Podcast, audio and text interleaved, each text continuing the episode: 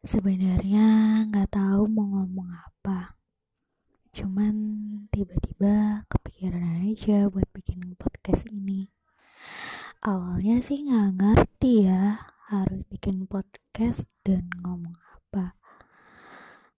Dan setiap perjalanan yang udah dijalanin ya udah berjalan begitu aja. Kayak dibilang diam berjalan tapi dibilang, berjalan tapi gimana ya? Uh, setiap orang itu ingin setiap perjalanan hidupnya bebas tanpa hambatan kayak jalan tol.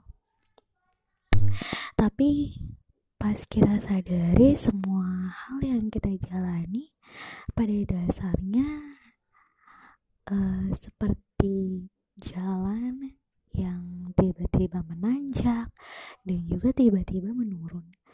Ya kayak gitu aja terus sampai kita nggak tahu harus kayak gimana jalaninnya. Ya udah. Ya begitu deh